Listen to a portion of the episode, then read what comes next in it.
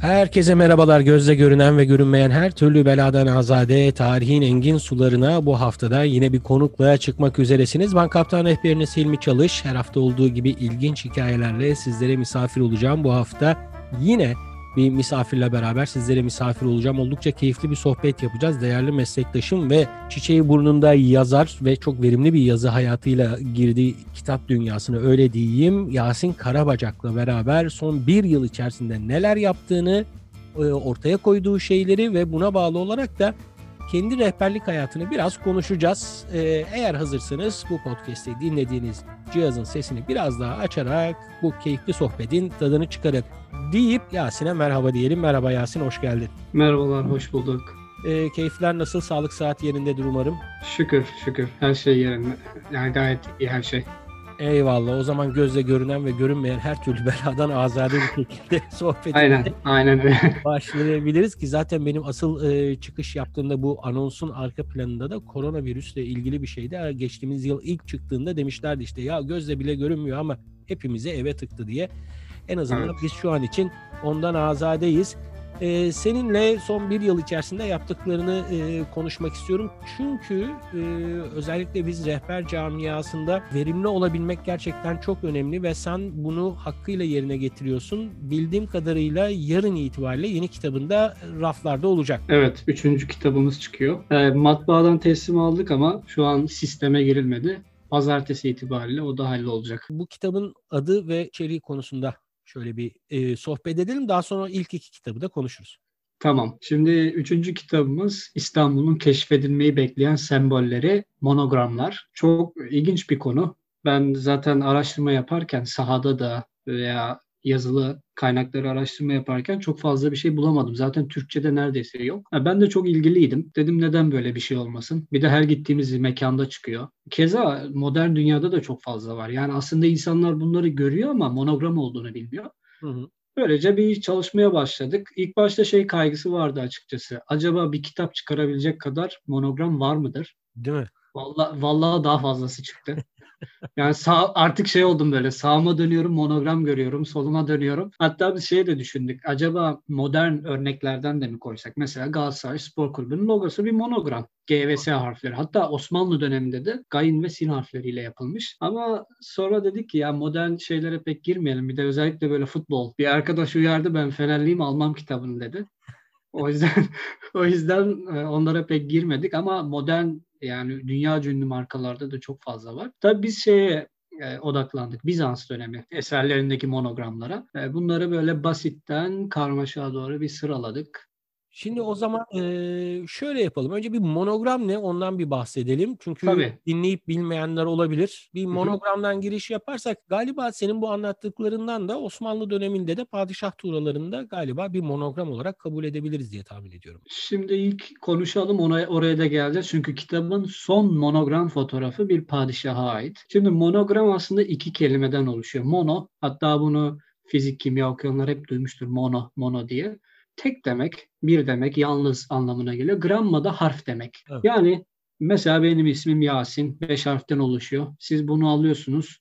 Benim iki ismimin örnek veriyorum tabii. iki harfini alıp böyle bir sembol oluşturuyorsunuz. İşte tek harf mantığı bu. Tabii bu monogramların tam ne zaman çıktı bilinmiyor ama e, Antik Mısır çıkışlı olduğu düşünülüyor. Yunan, Antik Yunan'da çok kullanılıyor. Bizans'ta zaten artık zirve yapıyor. E, Osmanlı döneminde de 19. yüzyılda zaten o dönem Avrupa'da bu soylu ailelerde çok yaygınlaşmaya başlıyor. Bu durum bir sultanın da dikkatini çekiyor. Sultan II. Abdülhamit. Hatta şey söyleyeyim kitaptaki son konu Alman Çeşmesi. Alman Çeşmesi'nin içinde mozaik bir süsleme vardır ya. Evet. Orada İmparator II. Wilhelm monogramını evet. koymuş. İlk harfi V ve iki rakamı. Sultan Abdülhamit ama tuğrasını koymuş. Yalnız Maslak kasırlarına, Beylerbeyi Sarayı'na, Dolmabahçe'ye falan gittiğinizde A ve H, Latince A, A ve H harfleriyle yapılmış bir sürü Sultan Abdülhamit monogramı görebilirsiniz. Tuğra konusuna gelirsek o pek monograma girmiyor. Çünkü monogramda bir şey var, bir kısaltma olayı var. Hı Tuğralar ama şey İngilizce çevirilerde monogram yazıyorlar ama Tuğra'da padişahın adı, babasının adı bir de ünvanı vardır. İşte El Muzaffer daima Aynen, bir iyi niyet veya bir hayır dua. Aynen aynen. Yani onlar pek monogram sınıfına sokulamaz diye düşünüyorum ben. Anladım. Benim e, bildiğim tabii güzel bir şekilde ifade ettin sen. Hani bir kitap çıkartacak kadar içerik bulabilir miyiz diye düşünmüşsün. E, ben de hani rehber olarak ben gerçi biraz daha geç bir döneme odaklıyım. Daha Osmanlı üzerine yapıyorum çalışmalarımı. E, benim aklıma hemen şey geliyor. E, Ayasofya'daki o sütun başlarındaki monogramlar ve küçük Ayasofya geliyor. E, bunun haricinde bu rota ne şekilde oluştu? Neler var ağırlıklı olarak bu kitabın içerisinde? Şimdi biz e, ilk önce yapı bazlı değil de monogram bazlı gittik. Örneğin en en çok gördüğümüz X ve P harfleriyle oluşturulan monogram üst üste konur. E, kristogram denir. Yani İsa monogramı diye çevirebiliriz. Böyle özellikle yani çok yaygın görülen monogramlardan sonra yapılara biraz nüfuz etmeye başladık. Ayasofya benim en çok yani faydalandığım yapılardan biri oldu. Küçük Ayasofya, Aya İrini, Yoros Kalesi, surlar, surlarda da çok fazla var.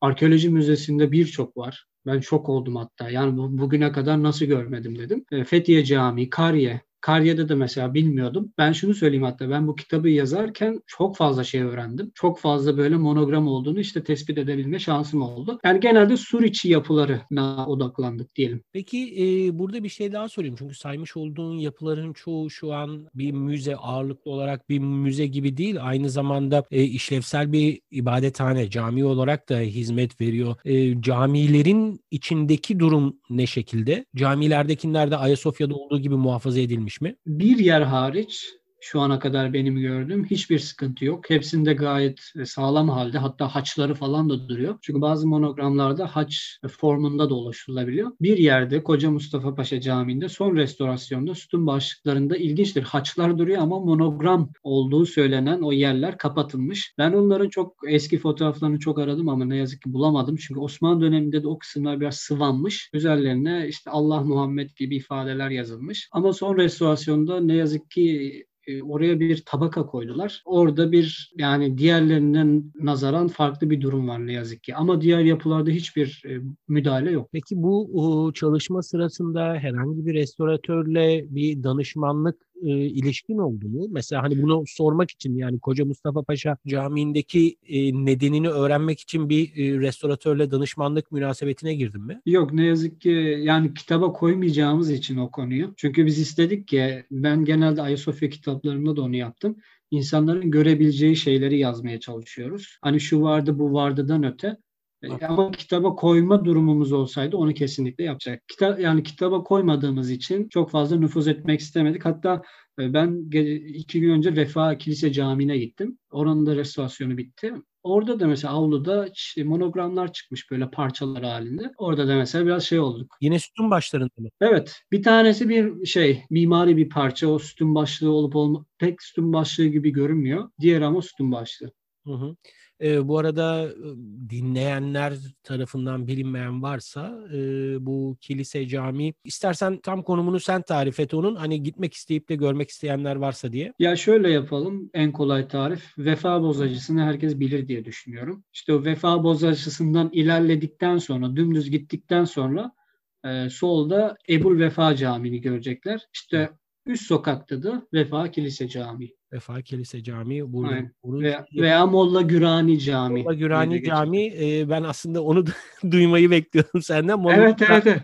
E, ya çünkü ben oraya en son gittiğimde orası bayağı kötüydü. E, İnanılmaz kötüydü. 2-3 sene önce falan hani e, Fatih Sultan Mehmet'in İstanbul'u fethettikten sonra sarayda dediği gibi e, örümcekler perdedarlık yapıyordu caminin içerisinde. Baya kötü durumdaydı. Son halini ben de merak ediyorum senin bu tecrübenden sonra. Şimdi e, burada aslında sen biraz da yolu açtın. Ayasofya kitaplarım dedin. Bir ona da girelim. Evet. Bu Ayasofya kitapları e, motivasyonun neydi? Şimdi e, eğri oturalım doğru konuşalım. Her rehber için Ayasofya oldukça özel. Ben herhangi bir şekilde evet. siyasi veya güncel tartışmalardan azade bir şekilde konuyu ele aldığımda da ilk defa e, yayın yapmaya karar verdiğimde, podcast yayını yapmaya karar verdiğinde dedim ki bu işin ABC'si Ayasofya yapıların e, şahı oradan başlamakta fayda var. Bu benim kendi motivasyonumdu. Senin motivasyonun neydi? Onu da merak ediyorum ben. Aslında benim Ayasofya ile alakalı kitap yazma serüvenim 2017'ye dayanıyor. 2017'de ben yazmıştım. E, hatta basılacak noktaya gelmişti. Bir, bir,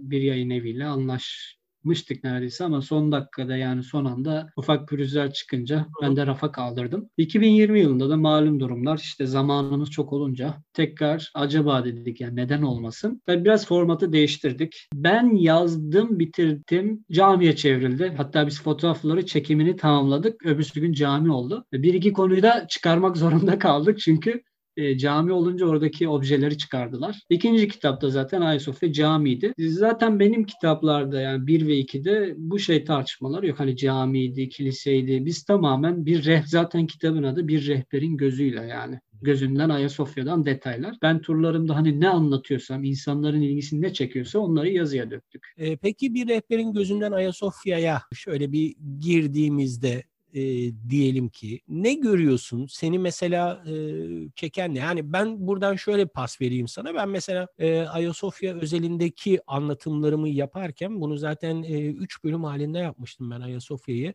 E, benim temelimde hep şey vardır. Gelenekler bir anda ortaya çıkmazlar ve bir anda kaybolmazlar. Sadece şekil değiştirirler. Bunun da en güzel göründüğü yer Ayasofya'dır diye girerim ve işin ta e, Konstantinos öncesinden başlayarak çeşitli alıntılarla bunu desteklerim.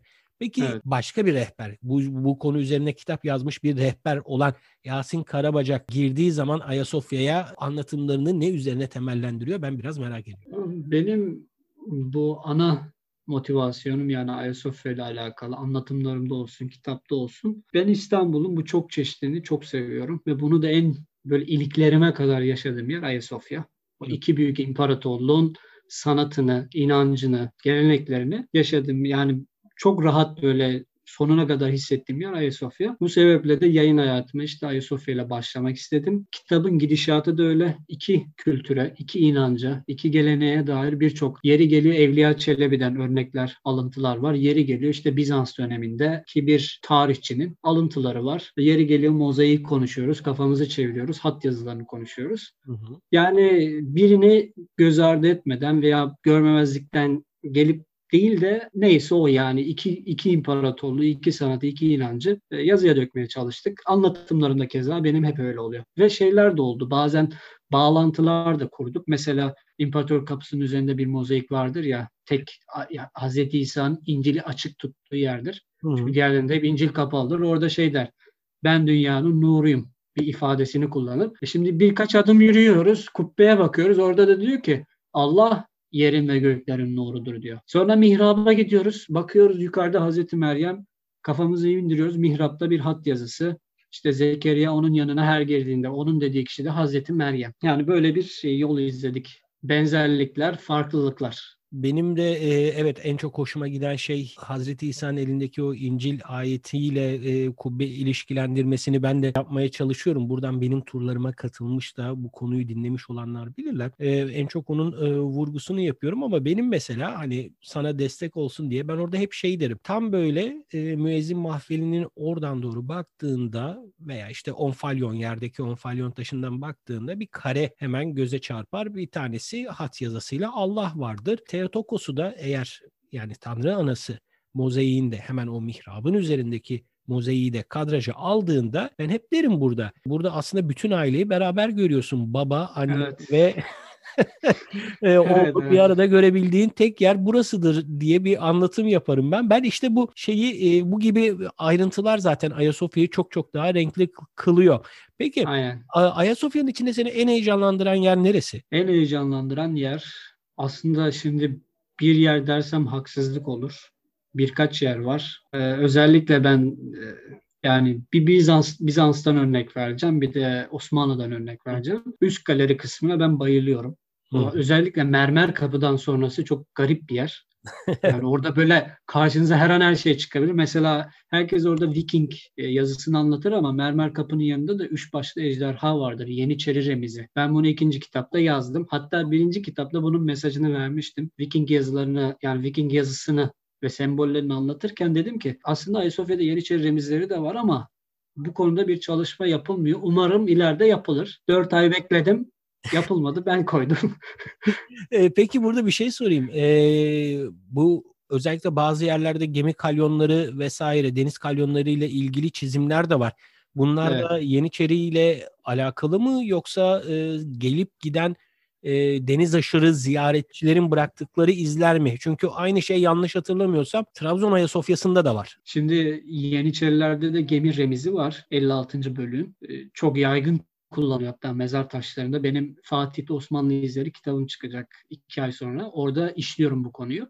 Vallahi ben Ama, yetişemiyorum. E, Bravo. Yani bu verimlilik gerçekten insanı kamçılıyor.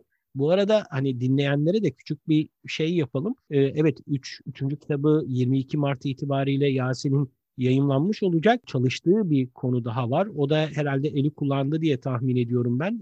Özellikle İstanbul'un sur kapıları üzerindeki kitabelerle ilgili. Ben bu e, en evet. son bu Fatih dönemiyle ilgili kitabı bilmiyordum. Gayet güzel e, bir bilgi daha almış olduk. Sözünü kestim özür dilerim. Onu aslında şöyle yapıyoruz. Surlar benim bitti yazımı. Hı hı. Hat, yani yanlışım yoksa Türkçe'de ilk kez kitabeleri kapsayan bir yani tam anlamıyla Osmanlı, Bizans, işte Latince, Grekçe bütün kitabeleri kapsayan ilk kitap olacak diye biliyorum. Ondan sonra Fatih'te Osmanlı izleri ve Fatih'te Roma Bizans izleri iki ayrı kitap. Böyle de bir çalışma olacak. Osmanlı bitti. Bizans'ta da %80'e geldik. Şimdi Ayasofya'daki o Bizans kısmını söyledikten sonra Mermer Kapı'dan sonrası Hı-hı. çok heyecanlandırıyor demiştim beni. Evet. Çünkü orada özellikle Deisis mozaiği çok ilginçtir. Hı hı. Ve oradaki aile portreleri, aile portrelerindeki evet. ilginçlikler, işte babayla oğul arasındaki o imparator ünvanı çekişmesi. İşte babaya imparator yazıyorlar, автokrator. Evet. Ama çocuğa yazmıyorlar. İşte yan tarafta Zoe mozaiğinde yüzler değiştirilmiş. Bir sürü söylenti. Zaten o yüzden oraya e, özür dilerim böldüm. Zaten Zoe'nin kendi hikayesi başlı başına bir destan. Tabii tabii. Yani Mikhail Pselos'un o kronografyasında çok detaylı anlatıyor yani Zoe'nin hayatına. Ben de birkaç alıntı yaptım. Ee, dediğiniz gibi orası bayağı yani Zoe'nin kendisi çok ilginç biri. Osmanlı dönemine gelecek olursak o mihrabın etrafındaki hat yazılarına bayılıyorum. Çünkü orada mesela Sultan II. Mustafa kendisine hep şey görürüz ya ketebehu. Arapça hı bunu yazdı demek. Evet. O bunu kullanmıyor. O sevvedehu diyor. Müsveddeden aklınıza gelsin. Karaladı. Yani burada karaladıdan kasıt bir mütevazik. Zaten devamlı diyor ki el fakir, el hakir ve derviş. Sola dönüyoruz. Mesela Veliyüddin Efendi ile şeyin hikayesi var. Mehmet Esad Yesari. Biliyorsunuz Veliyüddin Efendi büyük üstadlardan. Mehmet es- Esad Yesari de sağ tarafı felçli, sol tarafta da çolaklık var. Yesari sol oradan geldi zaten. Evet. Kendisini öğrenciliğe kabul etmiyor, azmediyor. Talik sanatta ilerliyor ve bugün levhaları yan yana karşı yani hatta şeyinki daha böyle bir e, Mehmet Mehmet Esad'ınki daha böyle bir ihtişamlı duruyor. Ben hatta şey Ayasofya bölümlerinde Veliüddin Efendi'den bahsetmiştim. Onu, onu e, biraz daha güncel kılabilmek için dinleyenlere söyleyelim. Bizim meşhur İstanbul'daki hipodromun adı olan Veli Efendi de bu bahsetmiş olduğumuz Şeyhülislam ve aynı zamanda başarılı bir hattat olan Veliüddin evet. Efendi'nin kendi arazisi. Ee, o şekilde bahsetmiştim. O detayı severim çünkü insanlar bir de güncelden bir takım şeyler yakalayınca daha bir rahat ilişki kurabiliyorlar diye tahmin edebiliyorum ben. Kesinlikle. O, orayı da e, severim. Özellikle bu vaftizhane kısmıyla ilgili. Evet. Orada bir de bayağı bir şey yaparız. Yani ben en azından yapıyorum. Bilmiyorum sen yapıyor musun turlarda? Ee, şeyden bahsederim. O büyük e, vaftiz teknesinin şu evet, an evet. bildiğim kadarıyla galiba o vaftiz teknesini göremiyoruz değil mi? Kapattılar orayı ama türbenin içinden camdan görünüyor. Ama o eskisi gibi avlusuna giremiyoruz. Anladım. Vaftizhanenin e, o vaftiz teknesinden e, ben bahsetmeyi severim. Hatta orada bayağı bir güzel interaktif bir şey yaparım. Gelen kişilerle beraber şimdi rehberlik kısmına gelecek olursak bu verimli bir yıl boyunca ortaya bir şeyler koydun ama son bir yıldır da hemen hemen çoğu meslektaşımız gibi sen de galiba sahada değilsin diye biliyorum ben. Yani şöyle diyeyim yüzde 90-95 azaldı. Hı hı.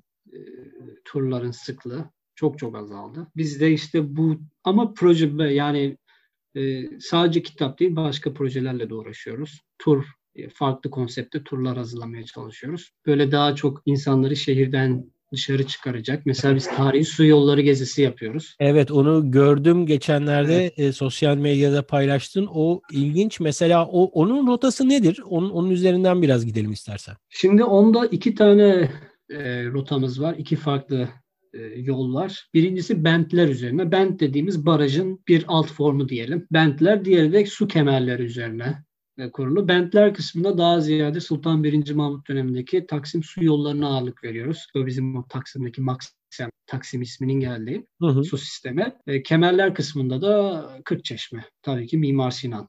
Mağlova'ya gidiyoruz. Eskiden Mağlova'ya gitmek zulümdü. Şu an artık Kemerburgaz kent ormanı yapıldı. Dibine kadar gidiyorsunuz. Yani gidebiliyorsunuz. Eskiden çok çok zordu. Araba gitmiyordu. Bayağı bir yürümek zorunda kalıyordunuz. Peki bununla ilgili de bir kitap gelir mi? Valla neden olmasın diyeyim. Çünkü şey bayağı hatta geçen bir tanesinde de böyle Yeniçeri Remiz'i buldum Hayvat Bendi'nde. Hı. O kadar gittik görmemiştik ama işte kitap işlerine girince şeyimiz farklılaştı. Yapılara bakış açımız. Algıda tabii algıda kesinlikle. Böyle her gördüğümüz bir e, kabartı, bir renk farklılığında bir şey aramaya başlıyoruz. Çoğunda da bir şey çıkıyor. Olabilir. Neden yani olmalı da zaten yani önemli konular. E, çünkü çoğu İstanbul'u bilmiyor. Haberi yok böyle bir sistemden. Ya sadece hani bu su sistemlerinden değil yani çoğu şeyden hatta Aziz Nesin'in daha önceki programlarda bir kere bahsettim ondan da çok sevdiğim bir hikayesi var. Ee, şey bir yurt dışından misafiri gelecek adam doğma büyüme İstanbulluyum diye övünüyor ama gelen kişiler aa şu da varmış aa bu da varmış dedik sıra o doğma büyüme İstanbullu olduğuyla övünen adam o gerçekten öyle miymiş falan diye e, e, kendi İstanbulluluğunu sorguluyor. Öyle bir durum da söz konusu. Biraz da işte e, etrafımızda olan algımızı çoğu zaman kapatıyoruz. Yani İstanbul bunu çok kaldırabilecek bir şehir değil. Maalesef bu olmadığı zaman da yani e, çevremize alıcı gözüyle bakmadığımızda, anlamaya çalışarak bakmadığımız zaman da yapılan bir takım değişiklikler kötü anlamda köklü değişiklikler işte evet. şehrin e, şehir planındaki değişiklikler olsun veya sosyal alanların yavaş yavaş gitmesine e, yeşil alanların kaybolmasına yönelik değişiklikler olduğu zaman da çok fazla tepkiler veremiyoruz. E, bu açıdan senin söylemiş olduğun çok önemli. Biraz daha algıyı açarak devam etmekte fayda var diye tahmin ediyorum ben. Evet kesinlikle. Şimdi şöyle hafiften böyle programın sonlarına doğru gelirken bir de şeyden bahsedeceğim. Senin asıl yola çıkış hikayen bildiğim kadarıyla bu İstanbul'un gizli yüzü veya hadi tam adıyla söyleyelim. E, Hidden Face of İstanbul. İngilizce söyleyince daha havalı oluyor. Daha havalı. Türkçesi pek, Türkçesi pek etki bırakmıyor. Ya şimdi yanlış anlamazsam ben genelde e, şeyden uzak durmaya çalışıyorum. İşte gizem yaratan şeylerden uzak durmaya çalışıyorum dürüst evet. olmak gerekirse. Hı hı. Çünkü beklentiyi çok yükseltiyor. Bu benim kendi görüşüm ama senin tamamen tam tersi o beklentiyi tatmin eden içerikler üretiyorsun hem YouTube e, kanalı üzerinde hem e, Facebook veya e, Instagram üzerinden fazlasıyla tatmin ediyor. O gerçekten evet. gizli yüzünü ciddi anlamda tatmin eden içerikler üretiyorsun. Ama ben genelde karşıma çıkan bu tip böyle gizem yaratan isim vermeyeceğim. Çoğu kitap karşıma geçiyor. Evet. Elime geçiyor o şekilde. Ama e, büyük bir beklentiyle gizem yaratarak aldığım çoğu kitap ben de sükuta hayal e, yarattı. O yüzden de pek onu tercih etmiyorum. Ama sen gerçekten bunun hakkını veriyorsun ve ben dürüst olayım senin e, seyrettiğim ilk video şeydi galiba. Konstantin anıtında bu bizim Çemberli Taş diye bildiğimiz Konstantin evet. anıtındaki yazıları. Ben onu seyrettim. Yani şey değil geç fark ettim. Bunu itiraf evet. edeyim. O da yeni şeylerden. Daha sonra geriye dönüp baktım ben. Ben de çok şey öğrendim o videolardan, içeriklerden dolayı. Hı hı. Oradan başlıyorsun. Onun çember eteğindeki yazılardan bahsediyorsun ve sadece bununla kalmıyorsun. İstanbul'un farklı yerlerinde de bu biraz önce değindiğimiz, biraz da eleştirdiğimiz konuda olduğu gibi gözümüzün önünde olan ama görmediğimiz şeyleri de anlatıyorsun. Bu galiba senin ilk böyle çıkış noktan bu Hidden Face of İstanbul'du galiba. Şimdi benim aslında şöyle oldu. İlk başta böyle sadece rastgele fotoğraflar paylaşıyordum. Bir de bu hidden ismi yani orada gizemden ziyade ben hani benim koyma nedenim şeyde saklı yüzü. Yani aslında saklı değil de insanların görmediği, saklı zannettiği yüzü. Ee, öyle hobi amaçlı paylaşıyordum. 2016'da başladım. Sonra birden bir talep olmaya başladı böyle. Ben de dedim ki devam ettirelim. Onu Instagram'a, YouTube'a, Twitter'a ben bir buçuk sene oldu daha yeni başladım. Arkadaşım zorladı artık beni. Lütfen dedi geri dedi. Ki Twitter'da konuda, 14 bin takipçi oldu. Valla bravo yani ben hala daha Twitter konusu hani kulak ulemasının da var. Ben de bir şeyler paylaşıyorum ama e, seninki kadar başarı sa- sağlayamadım ben. E, hala da kendi çapımda bir şeyler yapıyorum. Bir iki kişi beğenince de çok seviniyorum. Evet Twitter'a ben çok hani acaba olur mu nasıl hiç bilmiyordum. Bir de hani vakit ayırabilir miyim diye diye düşündüm ama sağ olsun arkadaşım çok ısrar etti. Girdik. Gayet de güzel gidiyor. Hı hı. YouTube'a biraz eski, eskiden ben YouTube'a hep anlatımlı videolar atıyordum. Hatta evet. bazen arkadaşlar sistem ediyor. Ya hocam burada biraz bilgi versene. Son videolar için konuşuyorum. Çünkü 4 500 videoya yakın oldu. Bunun 300'ü falan anlatımlı. Ama artık zaman olmadığı için bir de ben tek başına e, bunun ciddi şeyi var. Videoyu çekeceksiniz. 2 dakikalık video ama ben bazı günler biliyorum 5-6 saat kaç tane kitap böyle karıştırdım. Evet. Çünkü 2 dakika da olsa insanlara düzgün bilgi verelim diyoruz. E, bir de ben altyazılı Türkçe, İngilizce yani Türkçe anlattığımı İngilizce altyazı koyuyorum. Ya, ya tam tersi oluyor. Uğraştırıyor. Son dönemdeki gezdiğim yerlere atma nedenim de artık İstanbul dışında da atmaya başladım gittiğim yerlere. Hı. Görsel bir arşiv oluşturmak. Gayet güzel. Yani amacım o şu anki. Artık 300-350 tane anlatımlı video var. Bundan sonra da görsel arşiv e, oluşturmak. Belli mi olur yani yarın yapıya oraya ne olacağını bilemiyoruz. Hatta Hı. böyle yarım saatlik videolar da atmaya başladım sokak sokak gezerek. E, böyle insanlar canı sıkıldığında açsın izlesin. Ve yabancılardan çok mesaj alıyorum bu arada teşekkür mesajı çok çok fazla atıyorlar. Yani sayende bayağı hani e, gezmiş gibi oluyoruz diyorlar. Hı hı. Türk arkadaşlar biraz sistem ediyor şey. Biraz hocam anlatsanız. Yani biraz bilgi verseniz. Yani zaman olsa çok isterim ama tek başına ne yazık ki bu kadar. Valla o konuda seni çok iyi anlıyorum. İşte benim de bir sene oldu podcast yayıncılığı. İşin gerçekten şu mikrofonun karşısına geçerek ses kaydetme kısmı inan hiçbir şey değil. Ama onun öncesi ve sonrası e, sen işte alt yazılı yaptığını söyledin mesela. O alt yazıları m, videodan deşifre ediyorsun. Ondan sonra o deşifreleri işte Türkçe ise İngilizce, İngilizce ise Türkçe'ye çevirip videoya gömüyorsun vesaire. Seni çok iyi anlayabiliyorum. Evet. O yüzden de tebrik ediyorum bir kez daha ya. Gerçekten güzel. Ee, özellikle ben şu kısma e, vurgu yapmak istiyorum bir kez daha. E, söylediğin çok önemli. E, yapıların çoğunun ne olduğunu çok ne olacağı konusunda çok fazla fikrimiz yok. Bugün gördüğümüz bir şey yarın olmayabilir. Bunun en güzel örneği geçtiğimiz yılın ortalarındaydı galiba. Hemen e, Topkapı civarındaki bir sur e, burcunun yıkılmasıydı. Şimdi evet. onunla ilgili İstanbul Büyükşehir Belediyesi'nde güzel bir takım çalışmaları olacak. Umarım e, hakkıyla çünkü bizim ülkede öyle bir problem de var. Hakkıyla bir restorasyonu İnşallah, yapılması. inşallah.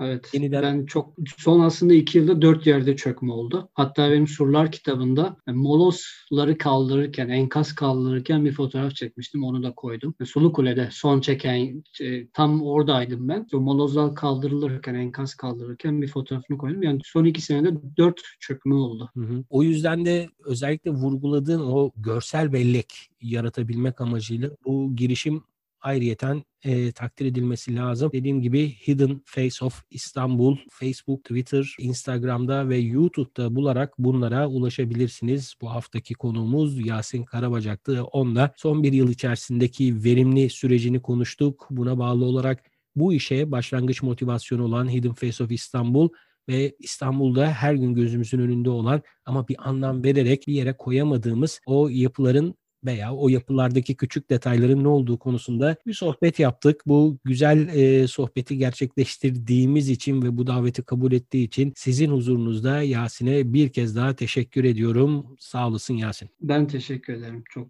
çok sağ olun. E, buradan da kulak ulemasının e, yayınlarıyla ilgili de küçük bir bilgi vereyim. Şu an için Turaya e, çalışmaları devam ediyor. Turaya ile ilgili bir bölüm olacak.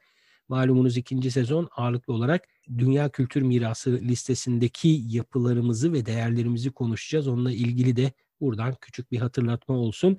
E, bu haftalık bu kadar diyorum. Önümüzdeki hafta görüşünceye kadar mutlu kalın, sağlıklı kalın ve esen kalın.